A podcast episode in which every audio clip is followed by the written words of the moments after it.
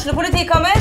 Ine Jansen er purk. Er du purk? The motherfucking bitch. Alt jeg vil, er å finne ut hva som skjedde med mannen min. Jon Carew. Er jeg sikta for noe? Iben Akeli. Det er du. Ole So, Lars Berrum og Big Daddy Karsten. Hvem sin side er du på, egentlig? Anette Hoff, Tone Danielsen, Kommer du fra Afrika? Jørnis Josef, Nesten. Kløfta. Trond Espen Seim, Det er synd å si det, men det var feil mann som døde. Purk. Premiere tirsdag på TV2 Play. Hei, takk for at du lytter til Søvnløs. Skulle du ønske at du kunne høre en ny episode av denne podkasten hver eneste uke?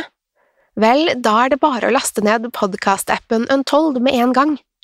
I tillegg til ukentlige episoder av podkaster som Skrekkpodden, Truecrimepodden og Henrettelsespodden får du masse annet reklamefritt og eksklusivt innhold. Last ned Untold i AppStore eller Google Play, og start din 30 dagers prøveperiode i dag.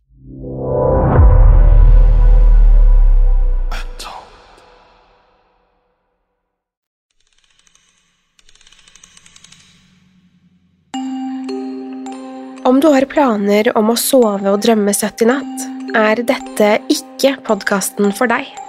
Hvis du er lettskremt, lett påvirkelig eller har søvnproblemer, bør du styre unna akkurat denne.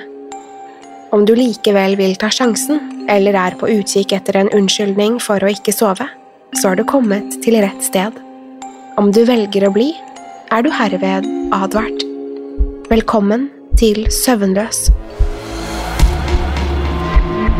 God natt.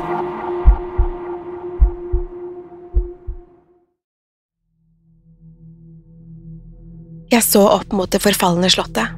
Den mørke strukturen ruvet over oss som et monster fra fortiden. Vinden ulte og slo mot de harde stenveggene, og grenene på de mange trærne knirket som om de forsøkte å advare oss mot å ta et skritt nærmere. Jeg var sammen med tre av mine nærmeste venner, Sandra, Lucas og Emma. Vi hadde alltid vært eventyrlystne, alltid på utkikk etter spenning og mystikk. Denne gangen hadde vi bestemt oss for å reise til Romania og utforske det beryktede Brander slott. Ryktene fortalte om uforklarlige hendelser og skumle historier, og vi følte at vi måtte oppleve det. Vi vandret gjennom den store porten som ledet inn i en gårdsplass.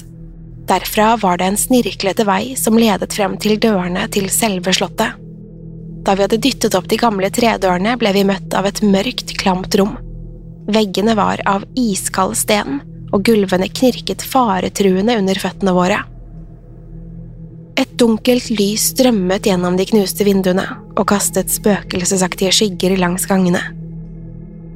Lukas gispet av det enorme synet og tente en lommelykt for å lyse opp veien videre. Vi utforsket de ulike rommene, og alle var like forlatte og fulle av støv. Det var som om tiden hadde stått stille her, og alt var bevart i et uhyggelig tablå. Jo lenger vi gikk, desto mer fengslet ble vi av stedets mystikk. Plutselig hørte vi en lyd bak oss. Det var en svak hvisking som fikk hårene på armene våre til å reise seg. Vi snudde oss, men det var ingenting der.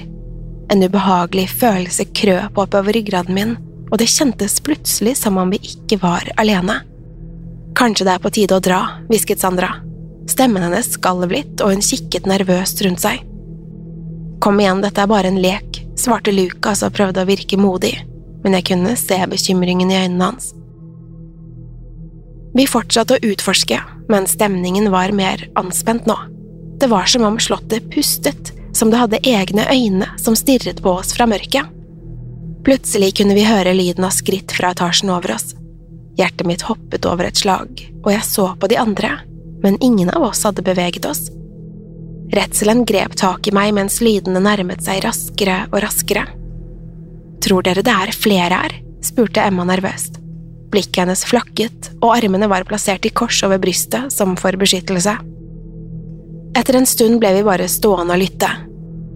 Skrittene ovenpå fortsatte å gi gjenlyd gjennom det digre slottet, og vi var usikre på om vi burde snu eller ikke. Likevel ble vi enige om at vi hadde kommet helt til Romania, og det var for dumt å gi opp nå. Derfor bestemte vi oss for å finne ut hvor lydene kom fra. Vi bega oss opp trappene, men et knirkende trappetrinn avslørte oss, og lyden av skritt stoppet brått. Da vi nådde toppen av trappen, ble vi møtt av en mørk gang som lå badet i skygger. Plutselig lyste lommelyktene våre opp noe som fikk oss til å fryse til is. En gammel, forvridd skikkelse sto der, delvis skjult i mørket. Øynene hans glødet i det svake lyset, og et forvrengt smil bredte seg over ansiktet hans. Hvem er du? Klarte jeg å få frem, selv om stemmen min skalv ukontrollerbart. Skikkelsen svarte ikke, bare stirret på oss med et intenst blikk. Panikken begynte å bre seg i gruppen vår, og vi snudde oss for å løpe ned trappen, men før vi kom så langt, hørte vi en dyp, iskald latter som fylte hele slottet. Vi løp gjennom gangene, over gulvene som knirket stygt under føttene våre. Lyden av våre egne fottrinn var det eneste som fylte luften, og hjertene våre slo så fort at det føltes som de skulle eksplodere. Plutselig fikk jeg øye på en dør som sto på gløtt. Uten å tenke sprang jeg gjennom den, og de andre fulgte etter meg. Vi endte opp i et rom som så ut som et gammelt kapell. Støvete benker og et falmet alter lå foran oss. Vi kunne høre skrittene til skikkelsen vi hadde sett, nærme seg rommet. Vi må finne et sted å gjemme oss, hvisket Sandra. Pusten hennes var hakkende av frykt. Vi søkte desperat etter et skjulested, men fant først ingenting. Det var helt til jeg la merke til et skjult trappeløp bak alteret og ropte til de andre.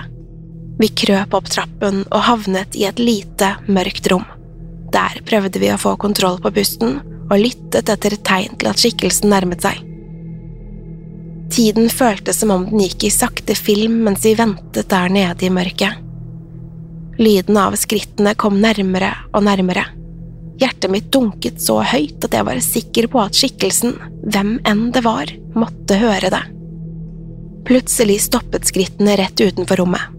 Et øyeblikk stillhet fulgte mens jeg holdt pusten og prøvde å kontrollere panikken som var nær ved å overvelde meg. Så hørte vi stemmen til skikkelsen, lav og hviskende. Jeg vet dere er der. Kom ut, små venner, og la meg se på dere. Vi satt musestille, redde for å bevege oss eller si et ord. Skikkelsen lo lavt og fortsatte å hviske noe vi ikke kunne forstå. Plutselig forsvant stemmen, og nå var det som om et iskaldt vindpust blåste gjennom rommet. Vi ventet noen minutter før vi til slutt våget å krype ut fra gjemmestedet vårt. Slottet virket plutselig enda mer øde og forlatt enn før. Vi løp gjennom gangene og kom oss ut gjennom porten. Vel ute pustet vi lettet ut. Det var først da vi var langt unna og slottet bare var en fjern silhuett på horisonten, at vi turte å snakke om det som hadde skjedd. Tror dere at det var en ånd? hvisket Emma. Øynene hennes var vidåpne av redsel. Alt vi visste, var at det slottet bar på en mørk hemmelighet som vi nettopp hadde unnsluppet. Livredde og skjelvende lo vi nervøst og prøvde å overbevise oss selv om at det bare hadde vært innbilninger og overtenkning. Men én ting var sikkert. Den natten kom alltid til å sitte som støpt i minnene våre. Brandere slott, med sin mørke og mystiske fortid, hjemsøker oss fremdeles, og vi aner ikke hva vi sto overfor den kvelden. Når sant skal sies, vet jeg ikke om jeg vil vite det.